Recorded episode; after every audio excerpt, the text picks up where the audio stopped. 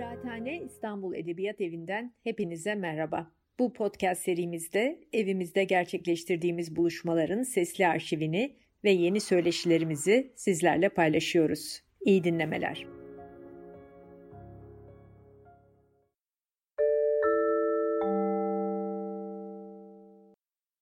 Merhabalar efendim. Tarihi Ahval, Ahvali Tarihin yeni bölümünde yine sizlerle birlikteyiz. Bugün e, yine ilginç bir konuyu konuşacağız. E, Ümit Kurt'un memleketine, tarihçi Ümit Kurt'un memleketine ışınlanıyoruz. E, Antep'e gidiyoruz ve Antep'te e, Kaymakam Necmettin Bey'in e, tuhaf dayak hikayesi e, üzerinde duracağız. Ee, dostum Nus ile uslanmayanın hakkı kötek midir? Necmettin Bey hikayesinde e, e, pek öyle olmuyor ama onu dövenler açısından tabii ki söylediğin o e, veciz laf tam yerine e, cuk oturuyor. Gene İttihat ve Terakki'nin içindeki böyle fırtınalardan bahsediyor oluyoruz. Ee, evet. Ee, yine e, Cemil Könne'de, e, Cemil Bahri Könne'de olduğu gibi e, Antep'ten Halep'e uzanan bir hikayemiz var. Evet. E, bir yandan ilginç benzerlikleri olan bir yandan da e, tabii çok ciddi anlamda e, farklı bir hikaye. Neler geliyor e, Kaymakam Ahmet Necmettin Bey'in başına? Evet.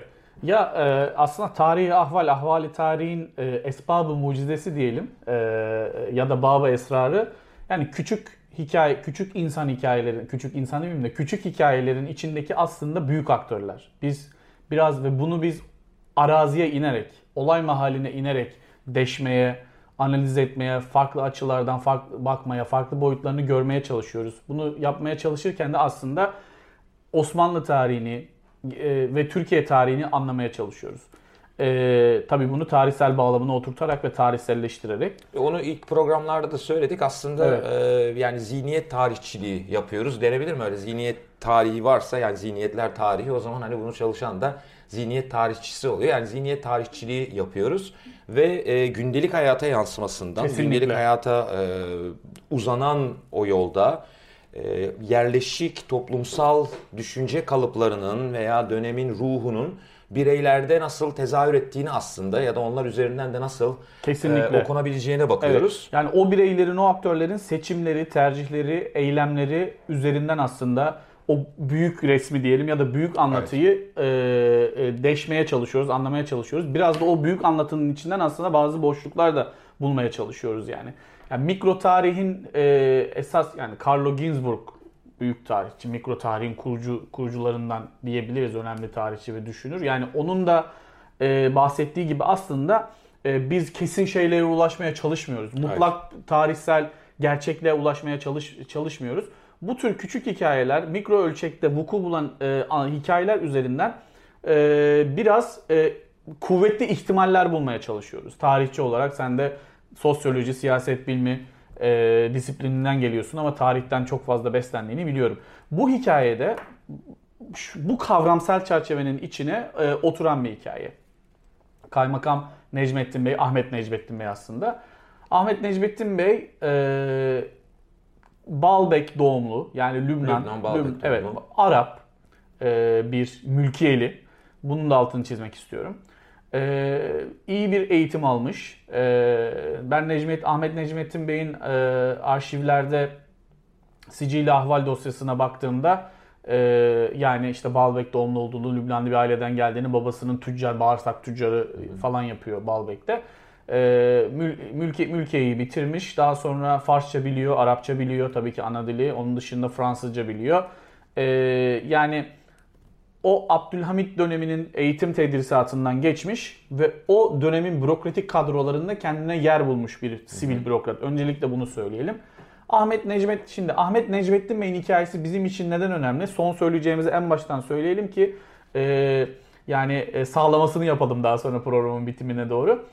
Ahmet Necmettin Bey'in tuhaf dayak hikayesi üzerinden biz e, Jön Türk devriminin yani Temmuz 1908'deki ikinci meşrutiyet ya da hürriyetin ilanı olarak tanımlanan e, Aykut Kansu böyle tanımlıyor en azından sevgili hocamız. Bu devrimin e, lokalde, yerelde ve e, mikro düzeyde dolayısıyla nasıl toplumsal düzeyde yansımalarını bulduğunu, toplumsal düzeyde nasıl karşılandığını e, ve e, e, ve ne gibi olaylara se- e, son, sebebiyet verdiğini ve bunun ne gibi toplumsal, siyasal sonuçlar doğurduğunu anlamaya çalışıyoruz. Biraz sosyal tarih ve kültürel tarih ama daha çok sosyal tarih yapmaya yapmaya çalışacağız. Ee, Eylül şimdi Temmuz 23 Temmuz 1908 Hürriyet, Hürriyet'in ilanı senin de bildiğin gibi. Osmanlı Mebusan Meclisi tekrar açılıyor. Evet. Kanunu esası yeniden yürürlüğe giriyor. Ee, meşrutiyetin ilanı ilan edildiği sırada Antep'te kaymakam olarak görev yapan bir kişi Ahmet Necmettin Bey. Aslında baktığın zaman e, iyi bir iyi bir memur, iyi bir bürokrat. Neden dersek e, e, tarihsel belgelere, arşiv kaynaklarına, o dönem yazılan hatıratlara baktığımız zaman e, bu arada bu olay yani dayak hikayesi spesifik olarak yaşayan e, e, iki kişi var. Bu bir e, bunlardan bir tanesi Ermeni tarih yazımı açısından önemli. Onu temsil eden bir anlatı. Diğeri de Türk tarih yazımının bu dayak hikayesini orada bulunan yani buna tanıklık eden flash eyewitness dediğimiz yani canlı tanıklıkların gözünden iki farklı perspektiften okuyabileceğimiz bir hikaye aynı zamanda. Yani bir yani bir tarihçi, sosyolog, etno, antropolog için de aslında bulunmaz bir hikaye baktığımız zaman. E zaten seçtiğimiz konuları genel olarak bu disiplinlerin böyle bir kesişme alanında var olacak şekilde seçmeye çalışıyoruz. Kesinlikle. Evet. Yani gündelik hayata yansımalarını e, bir yandan da tarihsel çerçevede o sürekliliğin de izini sürüyoruz. Evet. Yani hala daha bugün Türk toplumunda, Türkiye toplumunda yani kızdığımız zaman veya bir şekilde birilerini böyle bir düzene sokmak için başvurduğumuz bir yöntem. Evet, disipline etmek. E, disipline etmek için 20. yüzyılın başında da e, Osmanlı coğrafyasında, Türkiye coğrafyasında, Anadolu'da ya da ne şekilde e, değinirsek değinelim, varlığını görebildiğimiz bir eylemlilik hali, bir evet. tercih edilen bir Aslında farklı bir durumu. toplumsal hareketlilik hali, senin de belirttiğin gibi. E, meşrutiyetin yeniden ilanı Antep'e Antep'teki telgrafhaneye bir telgraf postaneye bir telgrafla Eylül ayının başında bildiriliyor. Eylül ayının başında bildiriliyor ve bu tarihte Antep'teki kaymakam Ahmet Necmettin Bey dediğim gibi e, e, önemli hizmetleri olan nasıl e, nasıl hizmetler mesela bunlar? Şehrin temizliği, hı hı. hırsızlık ya da diğer adi suçların önlenmesi, engellenmesi bunlar ve bunlara bu cürmü işleyenlerin yakalanması, dolayısıyla şehrin güvenliğiyle ilgili bütün önlemleri sonuna kadar alan, e, mesela e, e, pazar yerinde gidip sürekli teftiş yapan, evet. akşamları bile yanında zabitiyle birlikte çıkıp şehri teftiş eden ve güvenliği açısından şehrin böyle bir böyle bir memur, böyle bir bürokrat. Ancak anti iddiatçı. Bunu hemen söyleyelim. Yani Jön Türk devrimini destekleyen bir bürokrat değil, bir mülkiyeli değil. Hı hı. Bunu biraz Abdülhamit, 2. Abdülhamid'in e, döneminin e, tedrisatından ve o politik ruhun e, ruhun içinden gelen ve bu o akvaryumdan çıkan bir bürokrat olarak değerlendirebiliriz Ahmet Necmettin Bey'i. Aslında yani Arap kökenli olmasının da bunda payı olduğunu düşünüyorum. Abdülhamid'in panislamizm ve yine o coğrafyaya yakınlığı açısından.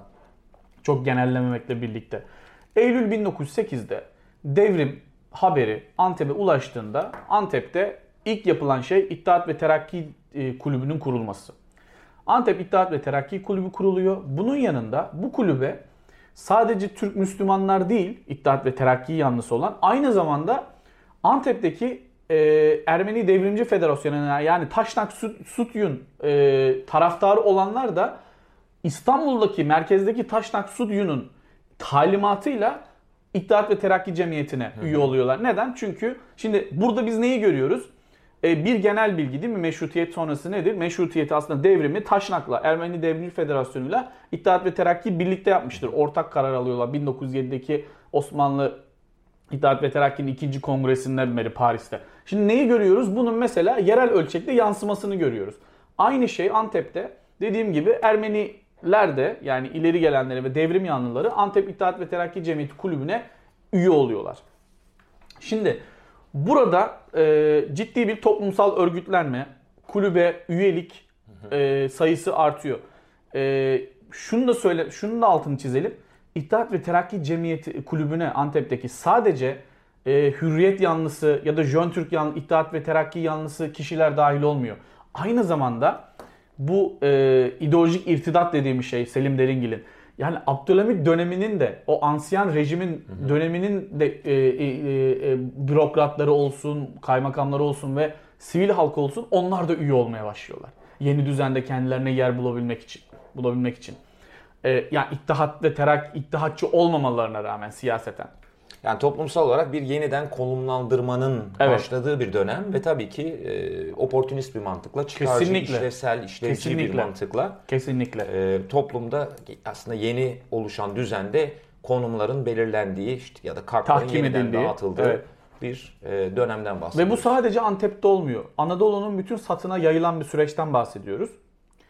Şimdi Ahmet Necmettin Bey e, devrim ol yani hürriyet ilan devrim oldu ve bir takım reformların yapılması gerekiyor. Mesela Antep'teki işte il e, yerel meclislerde e, yeniden seçim yapılması gerekiyor. Bunun dışında de, e, devrimin gerektirdiği diğer reformların yapılması gerekiyor.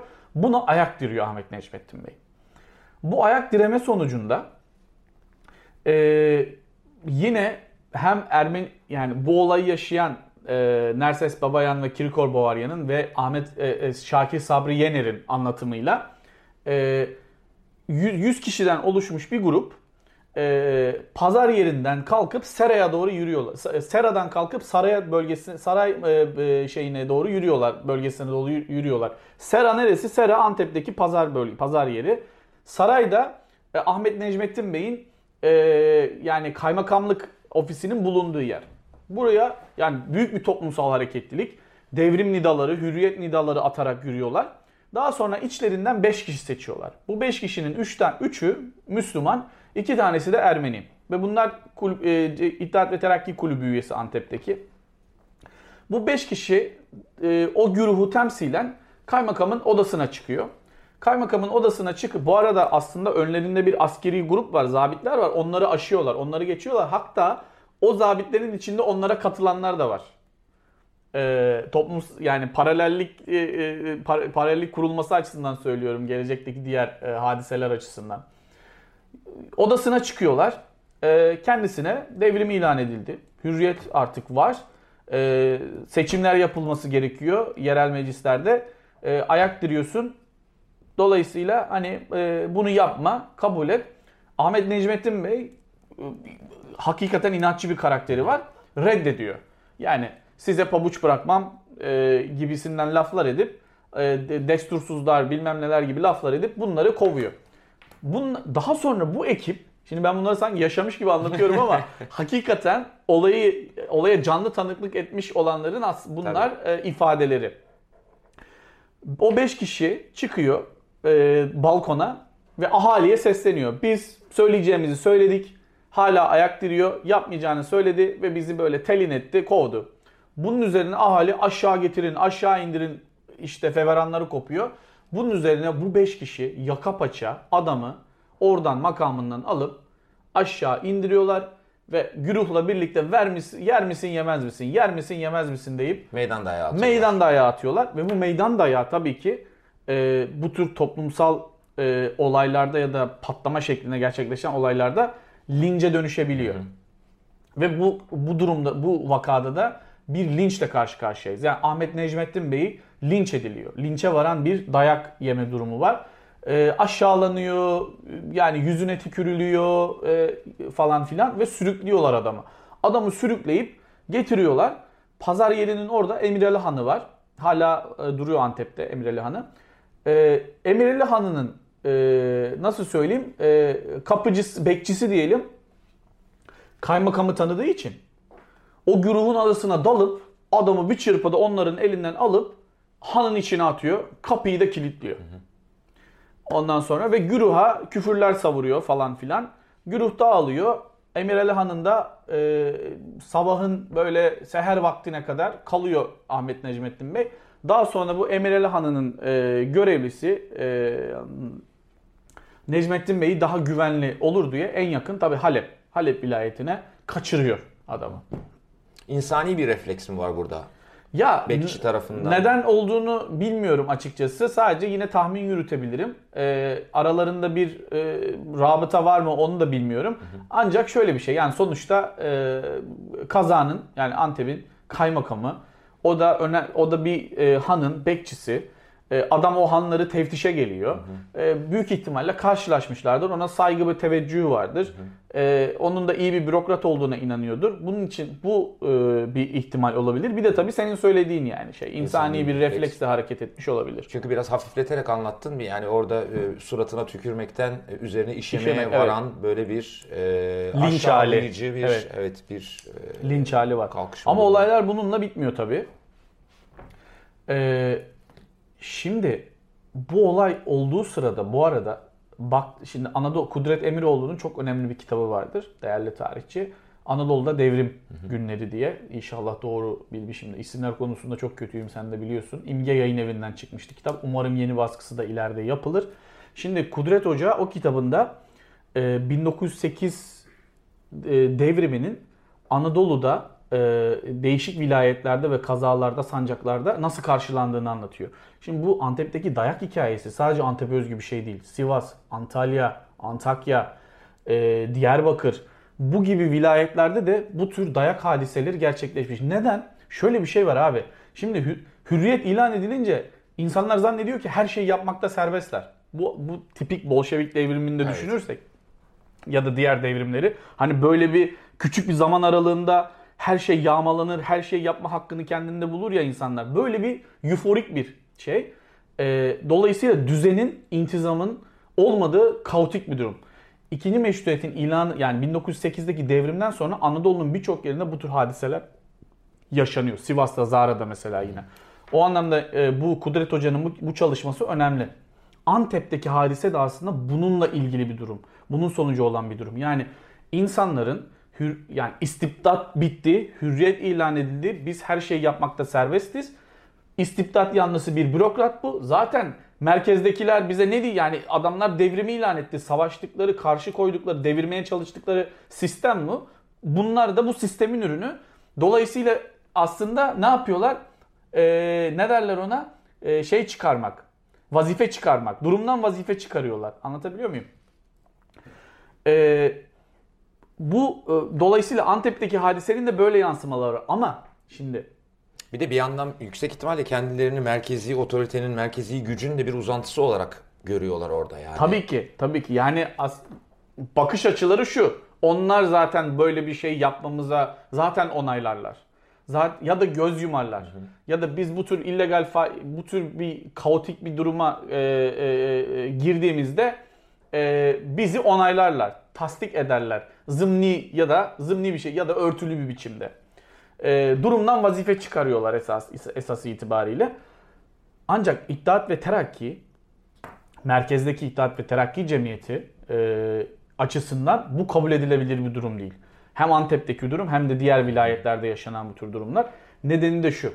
Abi sonuçta bu adam devleti temsil ediyor. Hı hı. Devletin, hükümetin otoritesini temsil ediyor e, İttihat ve Terakki'nin devrimden hemen sonra önem verdiği şeylerden bir tanesi bu devlet otoritesini yeniden tesis etmek. Hükümeti güçlendirmek. Bir de zaten İttihat ve Terakki mutlak bir güce sahip değil bu dönemde. Değişik muhalefet hareketleri, kendi içinde bölünmüşlükler. Dolayısıyla bu tür bir de kaotik durumların yaşanması onların elini oldukça zayıflatan bir şey. İkinci bir faktör İttihat ve Terakki'nin esas itibariyle toplumsal düzeyde çok da organize olduğunu görmüyoruz burada. İttihat ve Terakki'nin üye sayısının 800 binlere geçmesi falan Bahattin Şakir'in ve Doktor Nazım'ın büyük faaliyetleri, Ömer Naci buna dahildir falan.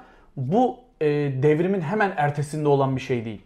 Baktığın zaman bu anla bu çerçeveden baktığın zaman İttihat ve Terakki toplumsal düzlemde aslında çok da öyle e, meşruluğunu sağlamlaştırmış, çok da öyle toplumsal destek ve rıza mekanizmaları üretmiş bir yapı değil. Dolayısıyla kontrol edemiyor. Hı hı. Anlatabiliyor muyum? Ne oluyor sonrasında? Müfettiş gönderiyorlar Antep'e. 3 tane bir müfettiş, 3 müfettiş, İttihat ve hükümetin kendi müfettişi, İttihat ve Terakki Cemiyeti'nin bir de görevlendirdiği müfettiş.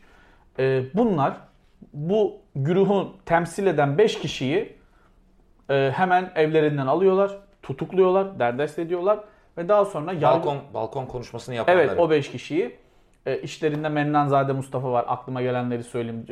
Georgi Barsumyan var mesela. E, berber bir Ermeni var. Boyacı bir Ermeni var. Robert Taşçıyan tapu memuru bir diğer Ermeni. E, Şakir Sabri Yener'in olaya bizzat tanıklık etmiş Şakir Sabri Yener'in kendi anılarında Namık Kemal'e benzettiği e, bir başka kişi var yine. İttihat ve Terakki, Antep'teki İttihat ve Terakki Kulübü üyesi. Bu 5 kişiyi derdest ediliyor ve Divan-ı Harbi Örfi'de yargılanmak üzere Halep'e yolla gönderiliyorlar.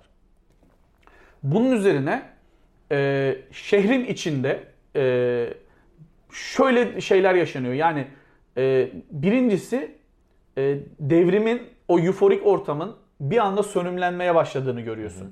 Çünkü anayasa karşıtı olanlar, İttihat ve Terakki karşıtı olanlar gün yüzüne çıkmaya başlıyor. Önemli nedenlerinden bir tanesi şu.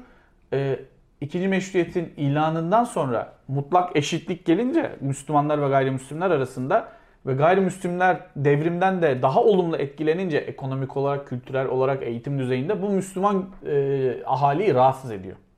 Çünkü hani daha önce millet sistemine göre e, do, e, hak, millete hakimi olan evet. Müslümanlar mazlum olan milletle aynı seviyeye geliyorlar. Bu tür siyasi fay hatları ortaya çıkmaya başlıyor. E, bu kişiler Halep'e gönderildikten sonra orada hapsediliyorlar, yargılanmayı bekliyorlar. Necmettin Bey bu arada e, başka bir yere tayin ediliyor. Hı hı. Mesela tenzili rütbeye uğramıyor. Görevden el çektirilmiyor. Neden? Çünkü devleti temsil ediyor. Devletin kaymakamı, devletin memuru. Yani ona yapılan hakaret devlete. O dönemde kim temsil ediyor bu devleti? İyi veya kötü, güçlü veya e, çok güçlü İttihat ve Terakki. Yani görevini aslında e, o noktada çünkü daha önceki e, yani Jön Türk devriminden önceki dönem için gayet çalışkan, gayet görevini ziyadesiyle Aynen. yerine getiren Aynen.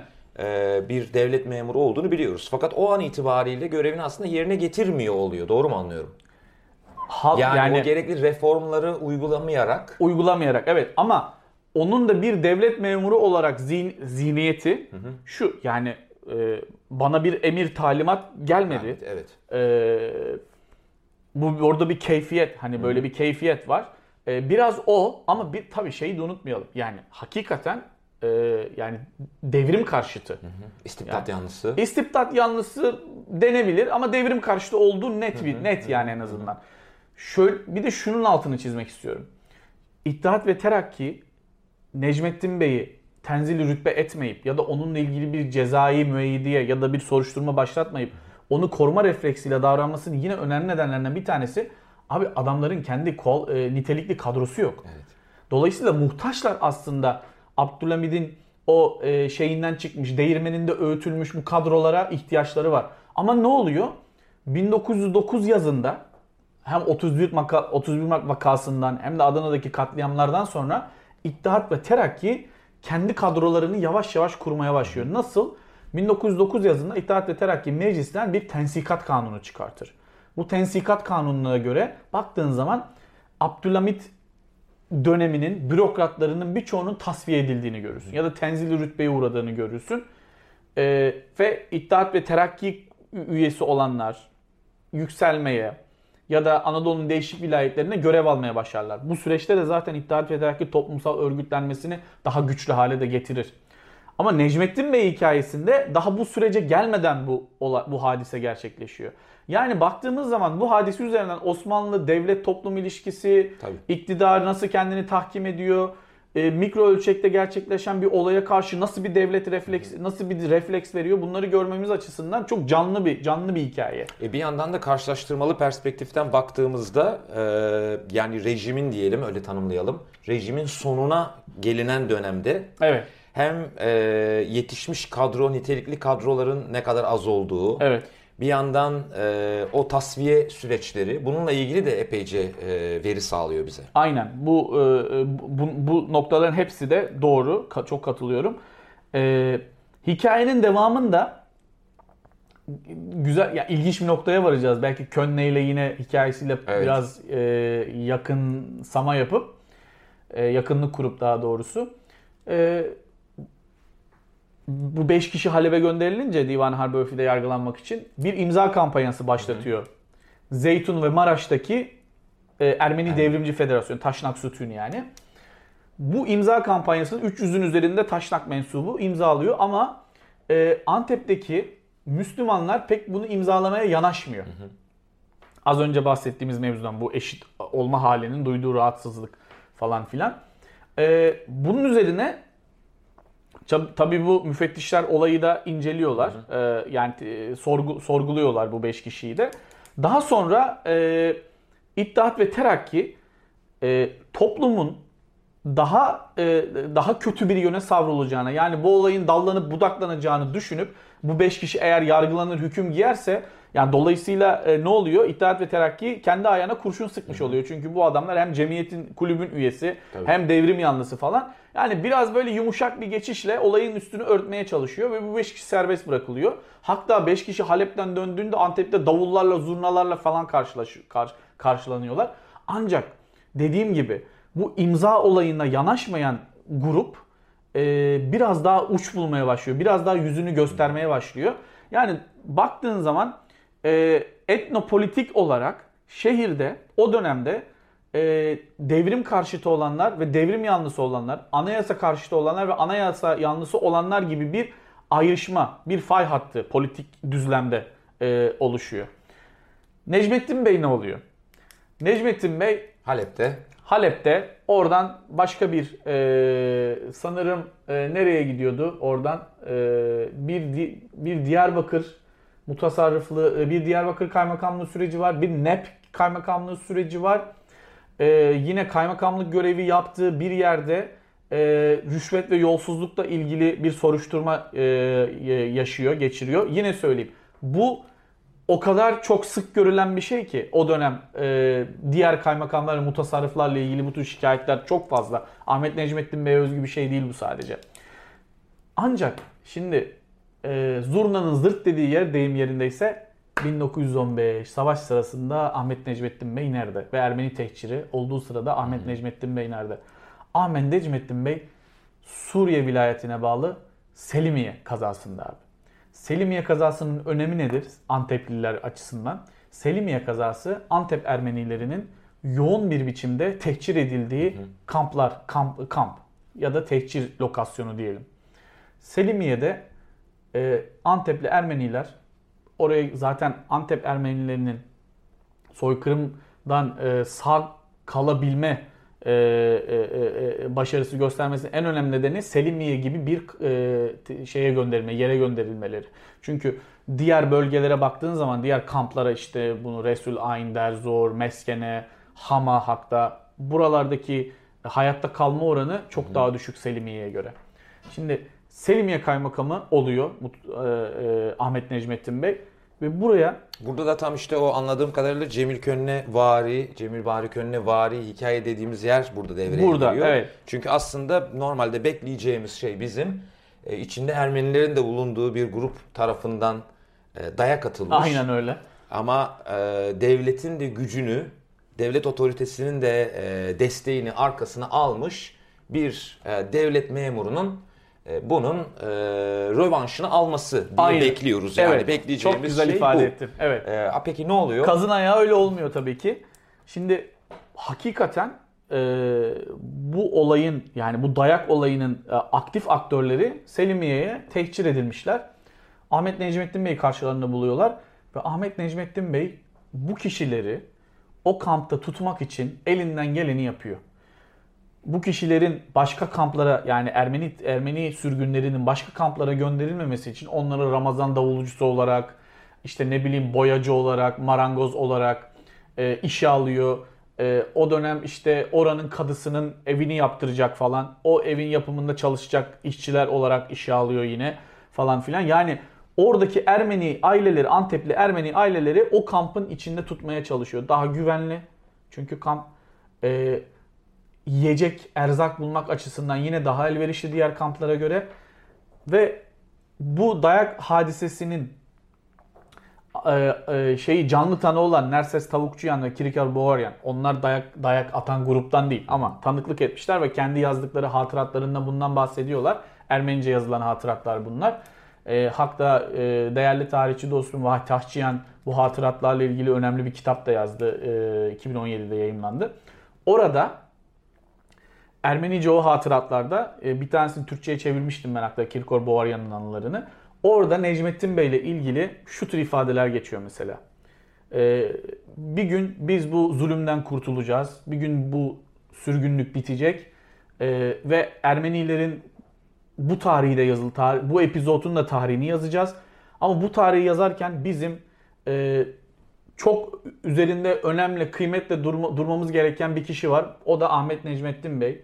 Yani bir Ermeni güruhundan bir araba dayak yiyip çok aşağılayıcı bir şekilde şehirden uzaklaştırılan bu kişi kendisine dayak atanları ve dayak atanların olduğu topluluğu hiçbir şekilde senin az önce bahsettiğin gibi rövanşist yaklaşmayı, intikamcı duygularla yaklaşmayı onları koruyup kollamış, yaşamlarını, hayatta kalmalarını sağlamış ee, biri. Yani e, bu e, bu kişiye e, e, ada, adalet yani tarihin adaletini teslim e, et, edeceğiz diyor. Hı hı. Mesela bu tür şeyler geçiyor. E, yine Nerses Tavukçuyan'ın hatıratında yine şöyle bir ifade var mesela. E, Ahmet Necmettin Bey'in terfi haberi gelir hı hı. 1916'nın sonunda ve o gün Nerses Tavukçuyan e, kampta bir ölüm sessizliği olduğunu, büyük bir üzüntü olduğunu söyler. Ve Necmettin Bey bu veda etmek için e, o kampları, çadırları ziyaret eder ve orada ona e, hediyeler verirler. Ve yine Nerses Tavukçuyan hani bugünün çok elem verici, çok üzün verici bir gün olduğundan bahseder.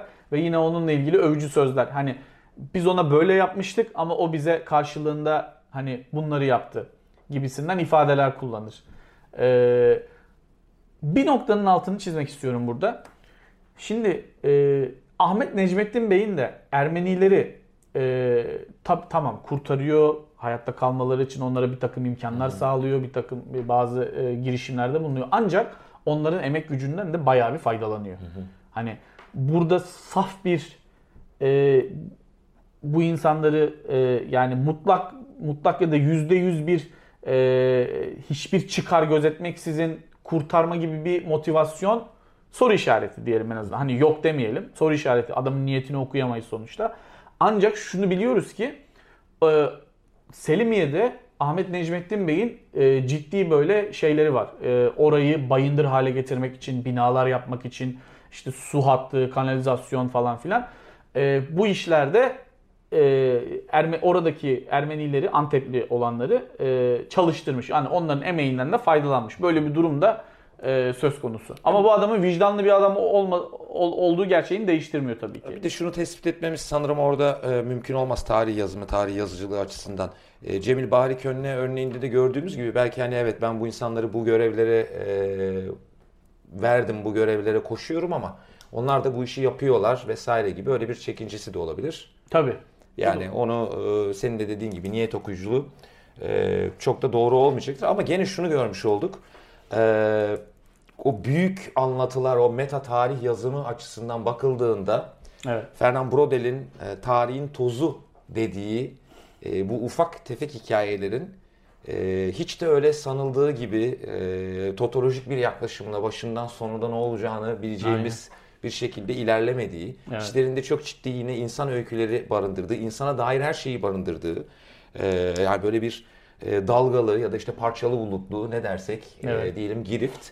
E, ama dönemin hem e, toplumsal yaşantısı hem kişiler arası ilişkisi hem e, o Osmanlı toplumunun etnik yapısı düşünüldüğünde o farklı etnisiteler, farklı topluluklar arasındaki ilişkiler açısından ve en başında da senin söylediğin dev, özellikle devlet toplum, devlet vatandaş ilişkileri açısından veya devletin bir bürokratına, bir devlet görevlisine nasıl baktığı, e, çünkü senin de söylediğin bir e, otoriteyi temsil ediyor o topraklarda. Aynen.